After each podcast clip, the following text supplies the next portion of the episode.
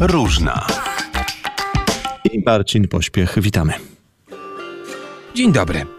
A dziś opowiemy o nietypowej podróży poślubnej. Gabriela Górka-Majnusz i Kuba Majnusz wybrali się na Islandię, ale nie tylko po to, by podróżować i cieszyć się swoją miłością, ale i by popracować. Posłuchajmy, czego nauczyli się o sobie, Islandczykach i Polakach, którzy dodajmy, stanowią jedną trzecią populacji Islandii. Tuż po ślubie wybraliśmy się na Islandię, gdzie pracowaliśmy. Było to jakieś 4,5 miesiąca, gdzie przenieśliśmy się do hotelu i tam zarabialiśmy na naszą pozostałą część podróży, już tutaj w Azji, Australii i Nowej Zelandii. Była to dobra próba, żeby się zmierzyć z taką codziennością. Nie mogliśmy tak jakby odizolować się od siebie na dłużej. Cała podróż była taką no, dość dużą próbą, no bo wiadomo, no, sama część Islandii to był początek, zaraz po ślubie 4,5 miesiąca w zasadzie bez przerwy, no bo no, z przerwą na to, że pracowaliśmy na różnych stanowiskach, więc powiedzmy, że tam, kiedy ja byłem kelnerem, no to, to miałem tylko siebie, bez Gabi, ale samo to półtorej roku to było taką, no dobrą lekcją przebywania ze sobą w zasadzie 24 na 7, bez przerwy. A jak sama e, Islandia, jak życie na Islandii? To była taki północny mm, zachód, w zasadzie okolica Akureyri, jakieś tam 200 kilometrów chyba na południe od Akureyri. Laugarbaki to taka malutka wioska, w zasadzie parę domów na krzyż i nasz hotel.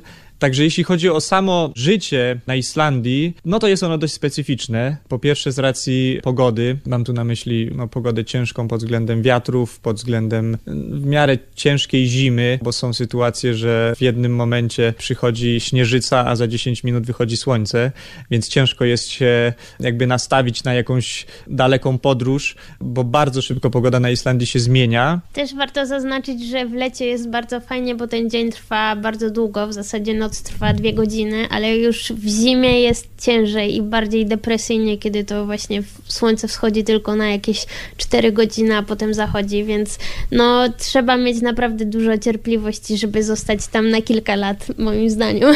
Jak się zdaje, co trzeci Islandczyk jest Polakiem. Tak, jeszcze przed wylotem jakby śledziliśmy ogólne informacje o Islandii, to, to wtedy chyba było 33% Polaków, takich stale. Na pewno jest ich więcej, bo bardzo popularną jest destynacją Islandia, jeśli chodzi o turystów i o takie właśnie zarobkowe wyjazdy, typu lipiec, sierpień, wakacyjny, jakiś dwumiesięczny wyjazd, żeby coś tam sobie zarobić, a potem, nie wiem, na miesiąc na przykład w podróż. Ale jeśli chodzi o takich stricte osoby, które mieszkają na Islandii, to było to 33%, więc jest ich sporo. Dlatego tam jest tak dużo Polaków, ponieważ pracodawcy islandzcy bardzo Polaków lubią. Lubią ich za to, że Polacy są pracowici. Polacy są dobrzy, bo przyjeżdżają, bo chcą pracować, bo widzą to, że zarobią te pieniądze i, i chcą to po prostu robić. A Islandczycy mają taką naturę trochę leniwą i oni jak mają się w zasadzie wziąć do jakiejś pracy, no to muszą naprawdę już mieć, że tak powiem, nóż na gardle, że, no, że do tej pracy musimy pójść do takiej jakiejś konkretnej.